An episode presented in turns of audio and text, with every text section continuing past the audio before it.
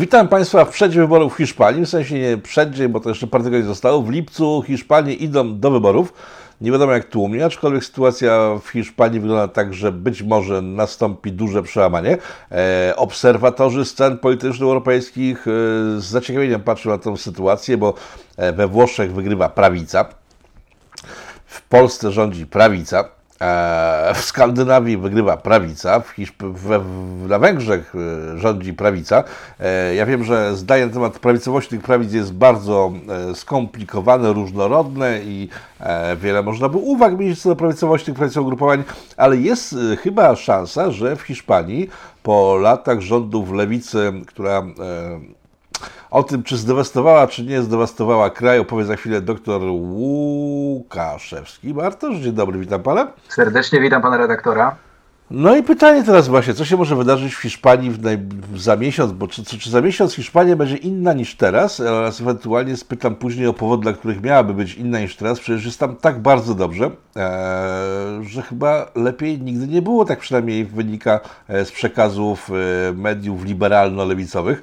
E, prawica oczywiście jak zwykle mówi, że tam po prostu ten kraj upadł totalnie. Pan chwilę temu tam był przez dobry kawałek czasu. E, co tam się dzieje i jak wyglądają nastroje przedwyborcze i co ewentualnie może się stać w lipcu na scenie politycznej Hiszpanii? Jasne. Ten kraj ani nie upada, ani się w tym momencie specjalnie nie rozwija. To jest e, kraj z punktu widzenia mentalności społecznej obecnej pozostający w bardzo poważnej stagnacji, który stara się z pewnych problemów wychodzić, ale strategie oferowane przez e, rząd Pedro Sancheza od 2018 roku okazały się całkowicie nieskuteczne, a o twardych danych statystycznych, które potwierdzają, że okazały się nieskuteczne i nieefektywne, e, porozmawiamy za moment, ale żeby mówić o, o Hiszpanii szeroko, no to oczywiście do czasów Franco, upadku dyktatury i tak dalej już odnosić się nie będziemy, ale należy odnieść się do roku 2004, bo gdyby nie 2004 rok i gdyby nie zamachy Al-Kaidy na stację Atocha, e, głównej stacji, głównym dworcu kolejowym w Madrycie, to nie byłoby właściwie możliwości rozmowy na tematy, które dzisiaj podejmujemy. Dlaczego? A dlatego, że pewna partia byłaby dalej zmarginalizowana i błądziłaby w okolicach progu wyborczego, a mówimy tu o hiszpańskiej socjalistycznej partii robotniczej. Bo kto rządził przed 2004 rokiem? Rządził José Luis e, Maria Aznar, E, I e, jeśli chodzi o Jose Maria Znara, był przywódcą Hadecji hiszpańskiej, przywódcą partii ludowej, Partido Popular. Tylko co Hiszpanie zrobili najlepszego w tym przypadku, a już wiemy, że nie najlepszego i że dla wielu krajów był to błąd i wiele krajów e, popierając inwazję George'a Busha i jastrzębi amerykańskich na Irak, raczej mówiąc wprost przestrzeliły sobie kolana międzynarodowo i nie tylko i bardzo mocno osłabiły swoje bezpieczeństwo e, wewnętrzne. E, I tak było w Hiszpanii. Szczególnie, że te zamachy to nie były zamachy na jakiekolwiek pociągi szybkich kolei, e, dalekobieżne i tak dalej, tylko były to zamachy po prostu, w których zginęli zwykli Hiszpanie jadący z mniejszych miejscowości pod Madrytem do pracy. Rząd Aznara bardzo mocno popierał politykę jastrzębi amerykańskich, otrzymał za to właśnie owe zamachy, mówiąc e, kolokwialnie, a Hiszpanie odwrócili się całkowicie ówcześnie od prawicy. E, I od tego, i od tego czasu, pomimo tego, że na przykład jeszcze później e, epizodycznie wygrywała Partia Ludowa, chociażby chociażby Mariano Rajoy, który był dość charyzmatycznym przywódcą Partii Ludowej, Partii do Popular, tej chadeckiej, to jednak elektorat protestu, elektorat sprzeciwu i nadzieje wszelakie zwrócone były mocno w lewo. A Hiszpania nigdy nie skręciła tak mocno w lewo jak w roku 2018, kiedy do władzy po raz kolejny doszła właśnie PSOE, czyli e, Hiszpańska Socjalistyczna Partia Robotnicza, którą e, poznaliśmy również w Polsce jako obserwatorzy, jako analitycy, jako działacze, jako po prostu osoby interesujące się tym tematem, właśnie po 2004 roku, kiedy do władzy doszedł José Luis Rodríguez Zapatero, e, kiedy nawet w Polsce, bardzo dobrze to pamiętam, zarówno Wojciech Olejniczak, jak i Grzegorz Napieralski, którzy jako młodzi lewicowcy wcześniej walczyli o przywództwo w Sojuszu Lewicy Demokratycznej, mówili, że oni będą polskimi zapaterystami, że oni będą polskimi zapaterystami, że oni będą wprowadzać tą politykę. No ale Zapatero, jak wiemy, z punktu widzenia ekonomicznego e, okazał się raczej disastroso, e, czyli raczej katastrofalny. Natomiast e, jeśli chodzi o kwestie obyczajowe, to mocno starał się e, w tym kierunku podążać, w kierunku liberalizacji. Pedro Sanchez w 2018 roku doszedł do władzy, a jego rząd zaczął realizować politykę, którą dzisiaj już, kiedy ten rząd upadł, a co takiego się stało, o tym opowiem, e, zaczęto nazywać polityką liberalno-obyczajową i klimatystyczną. To nie jest moje wyrażenie, to nie jest moje podejście stricte, to nie jest e, stricte moja opinia. Ja przekazuję to, co na przykład pisze El Mundo, jeden z największych dzienników hiszpańskich. E, I sytuacja zaczęła wymykać się całkowicie spod kontroli lewicy hiszpańskiej, która e, poszła w cudzysłowie na współpracę z ETA, ETA się rozbroiła, która nie była, która nie była E, specjalnie radykalna w stosunku do katalońskiego ruchu niepodległościowego. E, jak się okazało, jak się okazało, oczywiście no, wiemy, że, e, że tam były tarcia, że były problemy, że przywódcy katalońskich niepodległościowców też byli wypędzani itd., tak itd., tak ale generalnie z punktu widzenia opinii publicznej hiszpańskiej, tej, która chciałaby zachować hiszpańską jedność, te działania były niespójne, nieodpowiednie i niepotrzebne.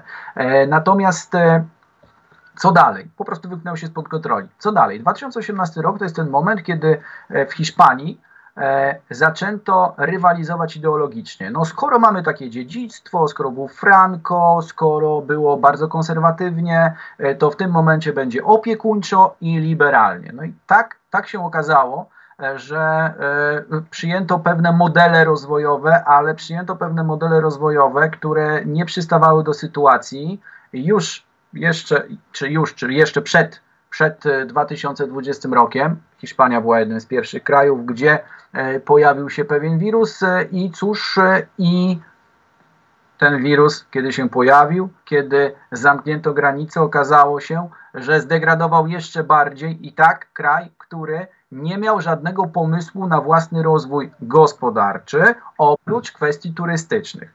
I teraz, jeszcze przed, przed E, wiadomym wydarzeniem przed pierwszymi lockdownami dochodziły następujące niepokojące głosy właśnie z Hiszpanii. Tylko, że znowu, żeby te głosy, ich prawdziwość zweryfikować, to mogą Państwo po prostu wyjść na ulice dużych polskich miast i zobaczyć, jak wielu młodych Hiszpanów jest Polsce, a rzeczywiście w Warszawie i w Krakowie mamy takie miejsca, gdzie możemy język hiszpański usłyszeć e, bardzo często. A dlaczego? A dlatego, że jeśli młodzi Hiszpanie nie chcieli pracować w turystyce, to niespecjalnie oferowano im cokolwiek poza różnymi udogodnieniami, w cudzysłowie obyczajowymi i na to stawiano i to był pewien temat zastępczy, bo żadnych innych pomysłów ekonomicznych nie było. A kiedy pojawiły się lockdowny i kiedy turystyka nie mogła być główną gałęzią rozwojową, bo przypomnijmy sobie, bo przypomnijmy sobie, że chociażby Barcelona, Katalonia, Madryt i tak dalej to są jedne z absolutnej czołówki, jeśli chodzi o destynacje turystyczne. E, uwaga, o ile spadło PKB w 2020 roku hiszpańskie? O 18,5%. To jest dramatyczna wartość. To jest dramatyczna wartość i to jest znowu sytuacja, kiedy kraj bazujący na jednej gałęzi rozwojowej w wyniku braku dywersyfikacji e, różnych możliwości rozwojowych zaczął się degradować, a bezrobocie wśród młodzieży, która może pracować w wieku już pracującym, osiągało jeszcze przed tym spadkiem PKB 40%, a dzisiaj to jest 44%. 44% bezrobocia wśród młodzieży, ale w wieku już produkcyjnym. No i dobrze. No dobrze, ale w e, Hiszpanii młodzi nie tylko wyjeżdżali z Hiszpanii już od ponad dekady.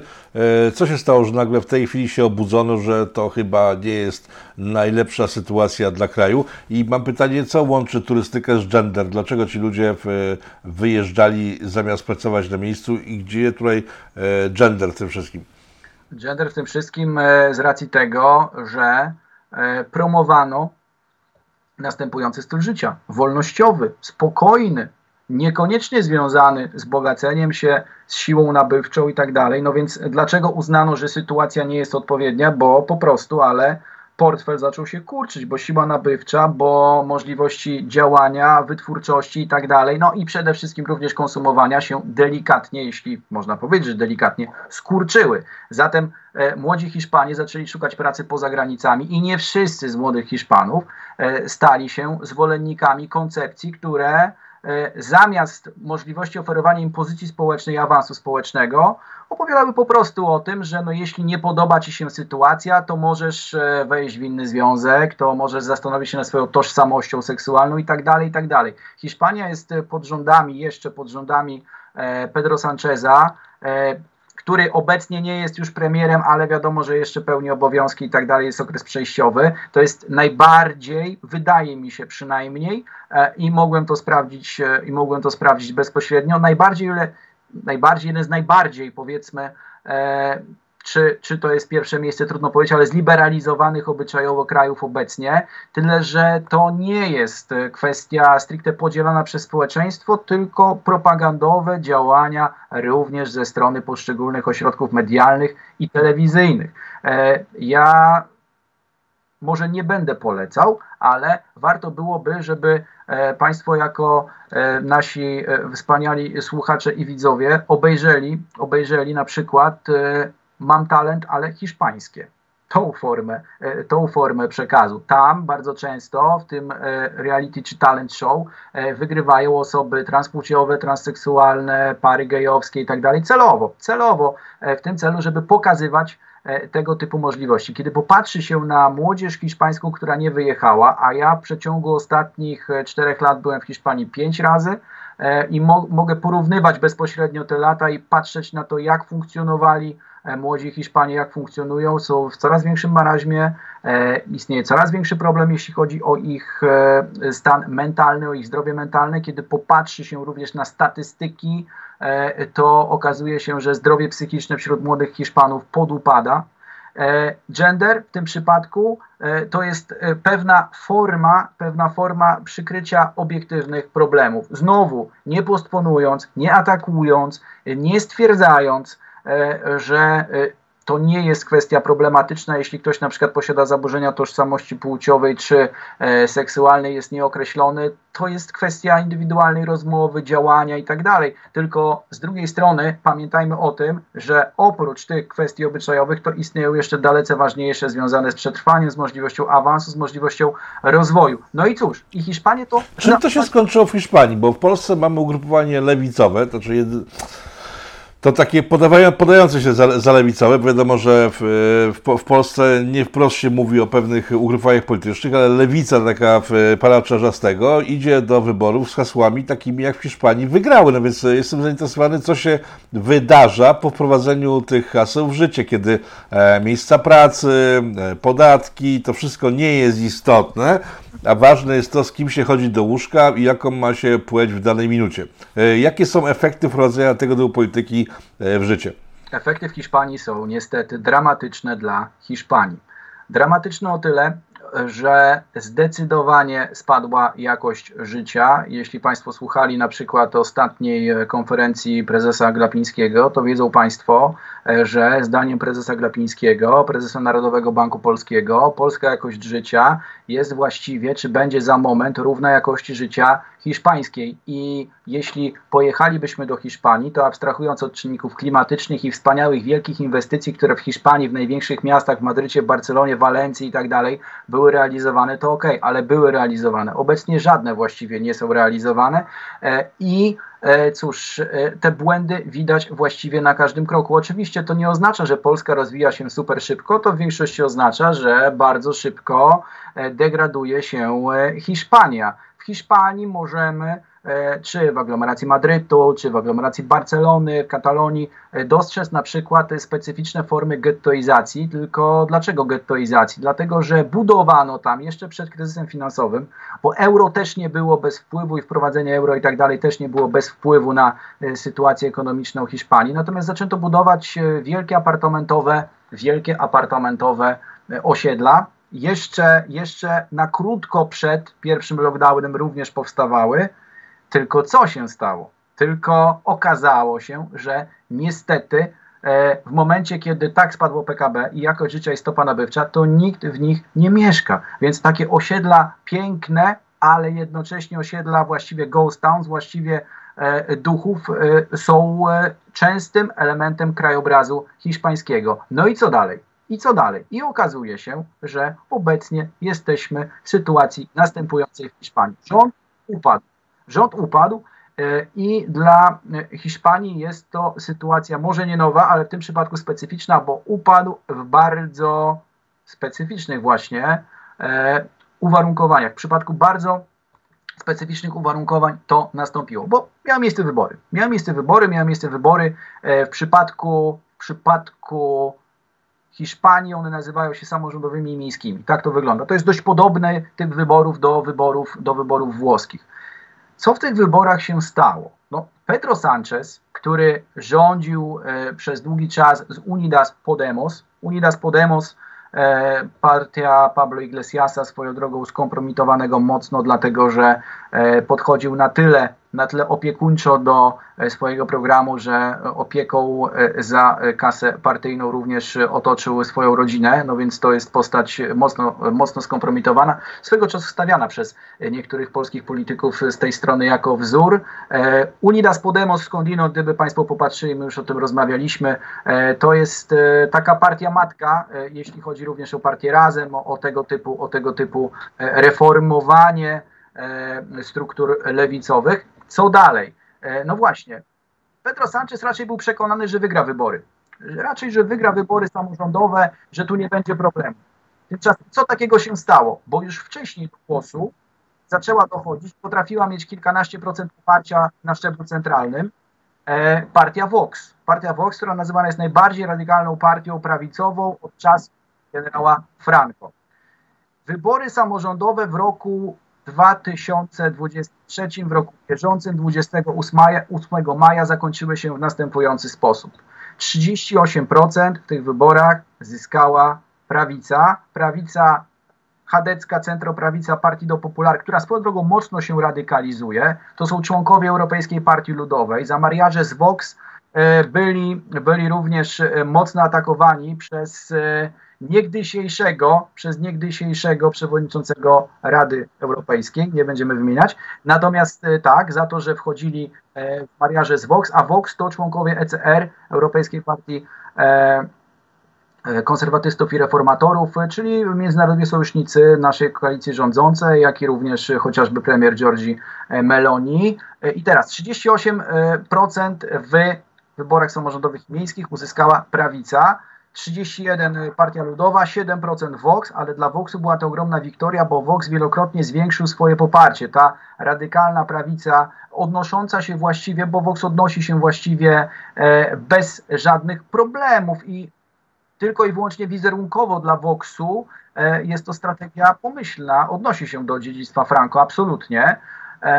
Santiago Abascal, socjolog z Bilbao, swoją drogą stamtąd, ale pro-hiszpański, a nie pro, a nie pro-baskijski. E, zdarza się, że mówi głośno o tym, że do pewnych e, odpowiednich, pozytywnych jego zdaniem praktyk e, powinniśmy wrócić.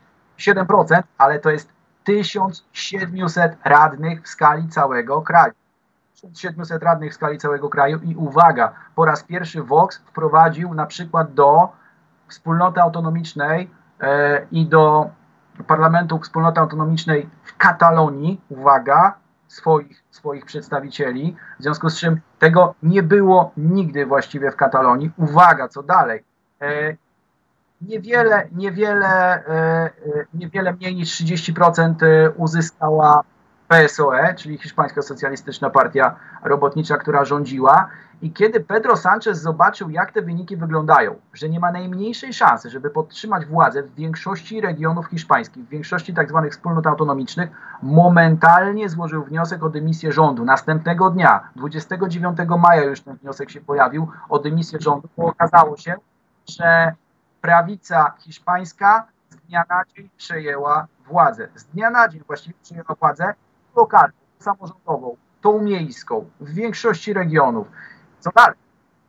I co dalej? Bardzo szybko zwołano wybory i ten marsz prawicy hiszpańskiej po władzę, ona jest bardzo specyficzna tak na marginesie, bo Partido Popular to z punktu widzenia światopoglądowego dotychczas prowadzonej polityki, partia, która przez większość swojego istnienia, które możemy pamiętać, czyli powiedzmy do zamachu, jest partia, która funkcjonowała bardzo podobnie hasłowo jak Platforma Obywatelska. Tu się naprawdę niewiele, niewiele różniła. Dzisiaj się radykalizuje, dlatego że wchodzi w koalicję z Voxem, a Vox znowu wydaje się partią zdecydowanie bardziej na prawo od Prawa i Sprawiedliwości, na prawo Salviniego, na prawo od Giorgi Meloni, choć Santiago Abascal to jest bliski, bliski e, znajomy Giorgi Meloni, znajomy Matteo Salviniego. Oni występują często na wiecach, często występują często e, na e, poszczególnych spotkaniach i co dalej.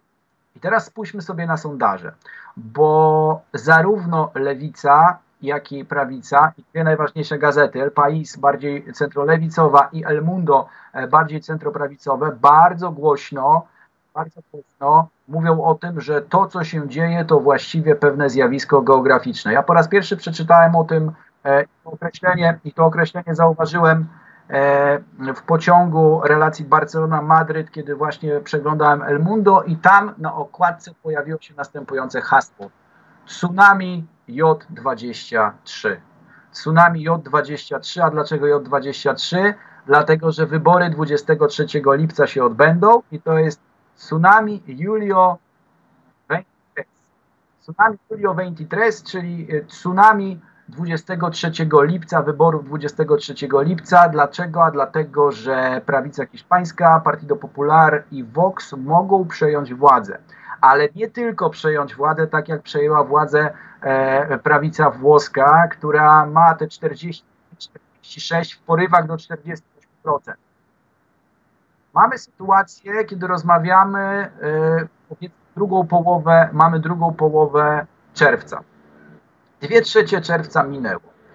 Został miesiąc. Został do wyborów Hiszpanii miesiąc. A jak wyglądają, jak wyglądają obecnie sondaże? Sytuacja to tsunami. Dlaczego? Dlatego, że najprawdopodobniej w przeciągu dwóch miesięcy, miesięcy, niecałych dwóch miesięcy, bez pięciu dni, prawica hiszpańska może przejąć władzę absolutną. I to absolutnie ją przejąć, bo po pierwsze, posiadać władzę w większości wspólnot autonomicznych, w samorządach, w miastach i uzyskać większość absolutną w parlamencie hiszpańskim. Dlaczego? Bo obecnie, kiedy podsumowuje się wyniki Voxu i oczywiście tej głównej partii, czyli Partido Popular, to, to są wyniki na poziomie 56%. To jest większość absolutna, umożliwiająca właściwie zmiany ustrojowe, a opozycja, która do niedawna rządziła, ma tylko 26%, no więc e, dobrze wiemy, że nawet gdyby pomnożyła razy dwa swoje poparcie, to dalej nie będzie miała takiego poparcia jak prawica hiszpańska, więc być może stoimy w przededniu potężnych zmian ustrojowych właśnie na Półwyspie Iberyjskim. Ale co, oni są w stanie zmieść wszystkie te wprowadzone przepisy w ostatnich dekadach? E, to jest pierwsze pytanie, a drugie, e, Franco. No, jeżeli jeszcze kilka lat temu rozmawiałem z Hiszpanami albo z ludźmi zajmującymi się Hiszpan Hiszpanią, mówili, że Franco no, nie ma szans powrotu do jego dziedzictwa. Sam Franco zniknął w, z widnokręgu wyborców był niechętnie wspominany, jeżeli już to przez starsze osoby.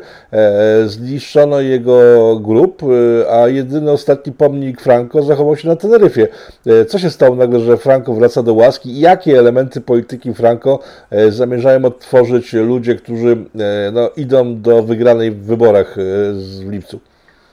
No dobrze, rzeczywiście Franco był w ten sposób postrzegany, natomiast ja tylko chciałem na przykład stwierdzić, że taki malowniczy, piękny zakątek, malowniczy, piękny zakątek jak Baleary, e, to też jest zakątek w tym momencie już odbity przez e, prawicę. No więc nawet tam, nawet tam, gdzie przecież jakość życia jest bardzo wysoka, gdzie kwestie, kwestie geograficzne, klimatyczne decydują o tym, że po prostu jest szalenie przyjemnie, to nawet tam wygrała prawica. I teraz, na czym ta kwestia polega? Ja będąc w Madrycie, E, sfotografowałem na przykład następującą wlepkę, bo one w Madrycie zaczęły się, e, zaczęły się pojawiać. Gracias Franco. Dziękujemy Franco. Czyli zaczyna pojawiać się pewien ferment ideologiczny, zaczyna pojawiać się pewien sposób myślenia polegający jednak właśnie na prymacie siły nabywczej, jakości życia, możliwości rozwojowych, a niekoniecznie na kwestiach obyczajowych, bo mówiąc zupełnie poważnie, no, bardzo trudno będzie wchodzić jeszcze do sypialni e, Hiszpanom, skoro i tak jest tam ciepło, kto miałby się tym interesować i dlaczego i z jakiego powodu. I teraz, e, jakie elementy polityki Franco przede wszystkim przejmowane są może nie przez, e, nie przez Partido Popular, ale przez Vox. Tyle, że, tyle, że Alberto Núñez bardzo specyficzne, trzeba było się nauczyć rzeczywiście, żeby to wypowiadać. Musiałem parę razy powtórzyć, bo obecny e, przywódca e, partii do Populary, e, partii, obecny przywódca partii ludowej to Alberto Núñez Feijóo, tak się nazywa, Alberto Núñez Feijóo. No i Alberto Núñez Feijóo powiedział, że z Voxem to będziemy współpracować na pewno po wyborach i będziemy współpracować albo dobrze, albo bardzo dobrze. Więc najprawdopodobniej e, w żadnym wypadku, e, jeśli chodzi o, jeśli chodzi o e, Vox i, i ten sentyment post-frankistowski, to tutaj Partia Ludowa raczej nie będzie oponować. Po pierwsze, wartości chrześcijańskie, wartości chrześcijańskie, rodzina oparta na związku kobiety i mężczyzny, absolutnie tak, to jest bardzo głośno podkreślane przez Vox, podkreślane, e, że przed 1975 rokiem taka sytuacja była absolutnie kluczowa, wartości chrześcijańskie, zresztą e, dostępne jest w sieci e, przemówienie, a właściwie przekrzyczenie Giorgi Meloni, która na wiecu organizowanym przez Vox jasno poparła i stwierdzała wprost ose dice si, ose dice no po hiszpańsku albo jesteśmy za, albo jesteśmy przeciw, nie ma kompromisów.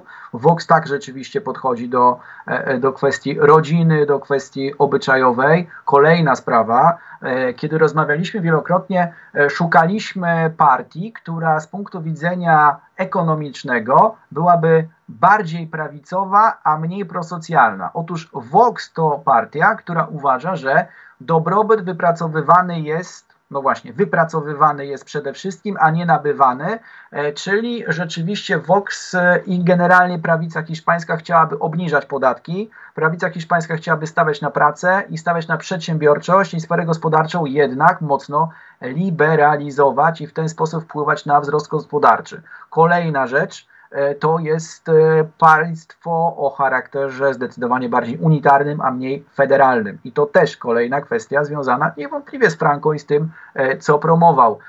Uwaga, to jest kolejny bardzo ważny wynik wyborów samorządowych, który pokazał, że Hiszpanie z punktu widzenia rozbicia tego federalistycznego niekoniecznie są zadowoleni Hiszpanie. Gdybym powiedział Hiszpanie E, w niektórych dzielnicach Barcelony czy Badalony na przykład, e, to najprawdopodobniej mógłbym dzisiaj rozmawiać z delikatnie podbitymi oczętami.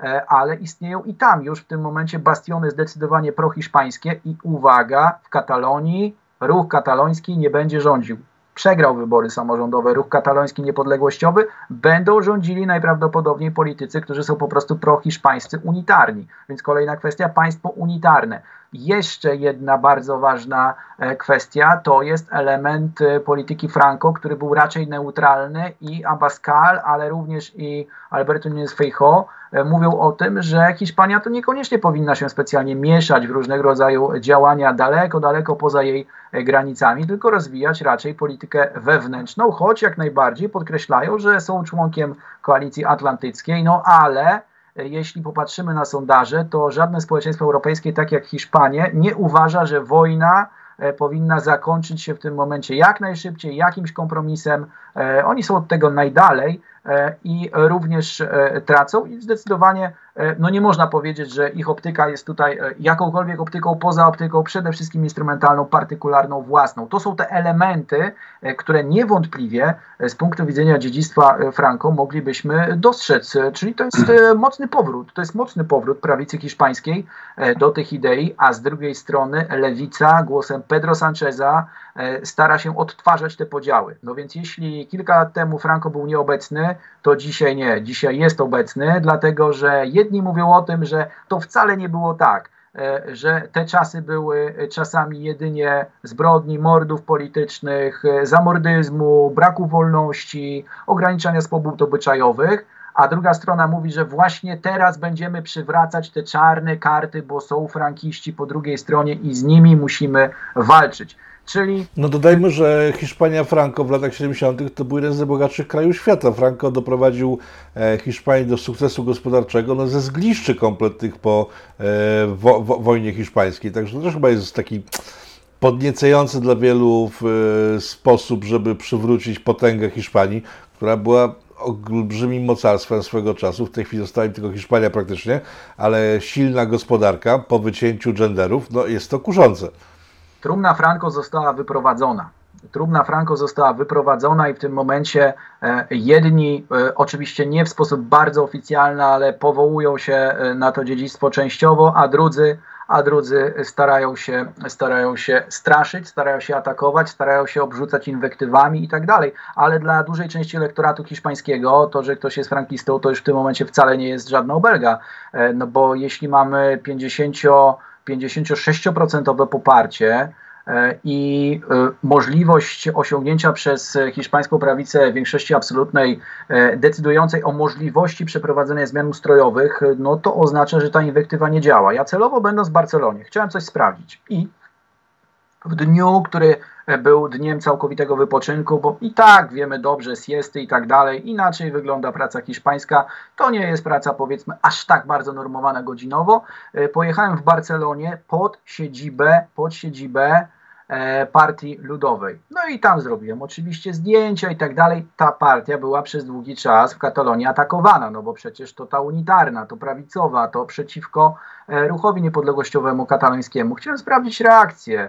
E, zawsze mogłem się szybciej oddalić, czy ktoś zwrócił uwagę, czy nie. Nie, ja byłem tym wyraźnie zainteresowany, nikt na to nie zwrócił uwagi, dlatego że Hiszpanie generalnie w tym momencie są również bardzo negatywnie nastawieni do klasy politycznej i pomimo tego, że w 2004 roku e, Partia Ludowa się e, skompromitowała, bo jej akces do koalicji w cudzysłowie irackiej zakończył się zamachami, to dzisiaj nie tylko ta partia, ale również Vox e, to pewna nadzieja na odwrócenie biegu wydarzeń, bo o ile, bo o ile rzeczywiście Hiszpanie dzisiaj mogą zawierać dowolne związki, bo nawet do parlamentu trafił, trafił projekt ustawy, która e, dawałaby, nie został jeszcze wprowadzony i już nie zostanie wprowadzony najprawdopodobniej, ale która dawałaby możliwość na przykład bez zgody rodziców e, dziecku powyżej 15 roku e, złożenia wniosku o zmianę płci, bo był taki projekt. W o fizyczną zmianę płci dodajmy, tak nie o papierową, tylko fizyczną, czyli fizyczną.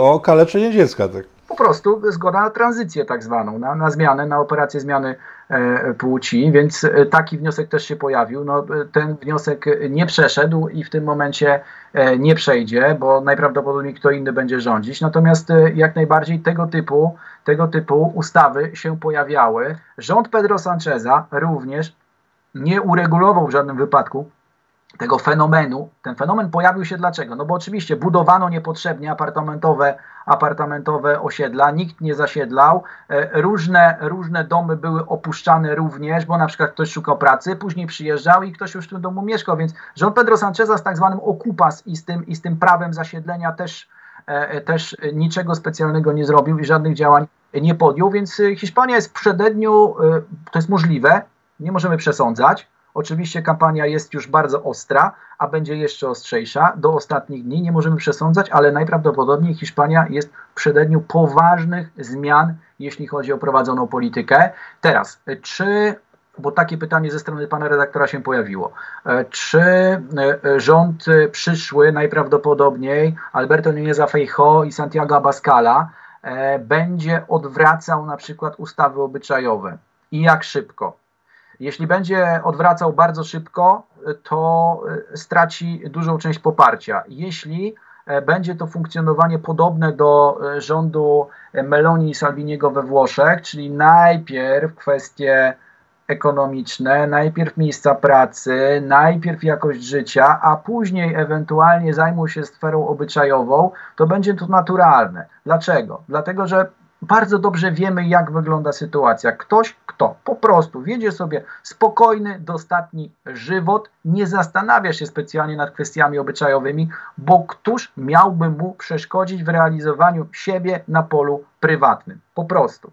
E, I teraz e, niewątpliwie jest to również pewna szansa, bo tutaj warto spojrzeć na to w perspektywie międzynarodowej, na stworzenie swoistej, tylko że u nas też wybory, e, niebawem na stworzenie swoistej osi Warszawa-Rzym-Madryt. Tylko znowu zastanawiam się nad tym, e, czy jest to rozumiane również e, u rodzimych polityków. Czy nasi politycy zauważają taką możliwość stworzenia właśnie osi Warszawa-Rzym-Madryt, szczególnie, że jeśli wygra, jeśli wygra w Hiszpanii prawica, jest to bardzo możliwe, to e, u władzy będzie koalicjant Prawa i Sprawiedliwości, a inny koalicjant jest już i tak u władzy we Włoszech. Na początku wspomniał Pan o klimatycznej polityce, która też jest znaczącym elementem e, tego, co się dzieje. Co miał Pan dokładnie na myśli? Dokładnie na myśli to, że Pedro Sanchez, jak chyba żaden inny przywódca europejski, promował wszelkie rozwiązania proekologiczne, wyłączenie wielu dzielnic z ruchu samochodowego, e, również e, właśnie chociażby samochody elektryczne i tak dalej, i tak dalej. E, więc jeśli mówimy o awangardzie wszelkiego typu działań przeciwko ociepleniu klimatu i tak dalej, to Hiszpania w tej awangardzie się pojawiała. Wszelkie ustawy ekologiczne, e, z czego część raczej kuriozalna i niekoniecznie wcale ekologiczna, gdyby się bliżej przyjrzeć. No w związku z czym, e, jeśli chodzi o, jeśli chodzi o ja nie lubię tego określenia, e, mówiąc wprost, bo ono jest moim zdaniem bardzo, ale to bardzo nieprecyzyjne, ale jeśli już mielibyśmy kogoś nazywać globalistą, okej, okay, no to Pedro Sanchez okazał się globalistą bardziej globalistycznym od tych, którzy nazywani są globalistami. Dlaczego? No właśnie dlatego, że y, swoją politykę od samego początku oparł na hasłach swobód obyczajowych, ekologii, walki z ociepleniem klimatu, y, wspólnotowości rozumianej poprzez swobody obyczajowe, a nie poprzez działania na rzecz jakiegokolwiek innego celu niż te, które promowane są hasłowo y, w ramach tego typu idei właściwie stricte lewicowych. Pojawiła się zresztą pewna paniczna próba pewna paniczna próba odwrócenia biegu wydarzeń i zaproszono już w bardzo podeszłym wieku Nestora socjologii hiszpańskiej, wybitnego klasyka socjologii Manuela Castellsa, twórcy pojęcia społeczeństwo e, sieciowe, Network Society, autora wybitnych prac do rządu. No, Castells przez jakiś czas w rządzie był, ale to, to naturalnie była raczej tylko i wyłącznie próba symboliczna, pokazująca, że my jednak coś robimy w tym kierunku, żeby młodzieży pomóc. Natomiast e, to jest element kluczowy. Jeśli młodzież hiszpańska nie zostanie zagospodarowana, to okej, okay, nawet e, Alberto Núñez Feijóo i Santiago Abascal będą mogli proponować pewne działania, tylko że jeśli nie uda się włączyć młodzieży w te działania, to one i tak zakończą się niepowodzeniem. Hiszpania to jest kolejny kraj, który się starzeje. Hiszpania to jest kolejny kraj, w którym e, ogółem niekoniecznie e, współczynnik dzietności jest na poziomie zaawansowanym, na takim, który gwarantowałby, że ów kraj będzie posiadał siłę roboczą, która będzie mogła w minimalny chociaż sposób nawiązać do jego potencjału, bo, bo, potencjał hiszpański jest ogromny. Jasne, my nie mówimy w tym momencie o terenach górzystych i pustynnych, bo tam po prostu gęstość zaludnienia jest bardzo niewielka, ale jeśli mówimy o aglomeracji Barcelony, aglomeracji Walencji, aglomeracji Madrytu przede wszystkim, to są ogromne możliwości rozwojowe. Natomiast niestety, moje wrażenia z ostatniej wizyty w Hiszpanii to było wrażenie tego, że jeśli nie zostaną wprowadzone zmiany w zakresie mobilizacji społecznej, a kapitał społeczny tam jest, to za kilka lat będziemy do Grecji jeździć, do Hiszpanii jeździć i oglądać ją tak jak Grecję. Tak jak Grecję, to jest moim zdaniem z punktu widzenia atmosfery, z punktu widzenia mentalności społecznej niestety duże ryzyko. Hiszpanie to zauważyli. Hiszpanie to zauważyli, starają się zmieniać sytuację, odwracać sytuację. Natomiast znowu, gdybyśmy nawet grecką lewicę Syrizę, która była zwana lewicą narodową, która była często antyunijna, porównywali z lewicą hiszpańską, to Syriza była partią odpowiedzialną, była partią wręcz patriotyczną, dlatego że e, rządy hiszpańskiej lewicy po raz kolejny niestety przyniosły potężny upadek, jeśli chodzi o jakość życia. Reasumując naszą rozmowę, kto wybierze e, zmianę? Czy to są ludzie dorośli już, czy młodzież, do której przez ostatnie kilka dekad kierowana była polityka lewicy? E, wszyscy mają ich dość, czy to są jakieś podziały wiekowe lub, e, nie wiem, Młodzież, ekonomiczne. Młodzież zawsze głosuje na partie bardziej liberalne i to jest tendencja ogólnoeuropejska, nie tylko ogólnoeuropejska, to jest całkowicie oczywiste, to jest związane po prostu z wiekiem, to jest związane z brakiem dostrzegania szerszej perspektywy. Oczywiście nie wszyscy, nie wszyscy e, przedstawiciele młodzieży nie dostrzegają szerszej perspektywy, nie o to chodzi. Młodzież jest szalenie inteligentna, ale po prostu pewne e, elementy e, refleksji pojawiają się później i to jest całkowicie naturalne. Tyle, że dzisiaj o ewentualnej zmianie w Hiszpanii wcale nie zdecyduje, e, powiedzmy, powiązywana często z hiszpańską prawicą burżuazja, monarchiści, postarystokraci. Nie, wykluczeni, wykluczeni, dlatego że e, ten elektorat e, Pedro Sancheza i Hiszpańskiej Socjalistycznej Partii Robotniczej dzisiaj, który, e, który jeszcze istnieje, to 25-26% tych popierających politykę bardziej obyczajową ale ta partia miała dużo większe poparcie i ci, którzy poczuli się socjalnie wykluczeni, przeszli do prawicy, a najczęściej do prawicy tej, która właśnie jest e, skupiona wokół Santiago Abascala i do Voxu, e, czyli tradycyjny konserwatywno-liberalny wyborca po prostu głosuje na partię, na partię ludową, e, która przy, pod rządami Alberto Núñeza Feijo zaczyna wychodzić czy odgruzowywać swój wizerunek bardzo mocno e, i zaczyna być konsekwentna i zaczyna rzeczywiście mówić e, językiem niekoniecznie stricte unijnym, ale hiszpańskim, ok?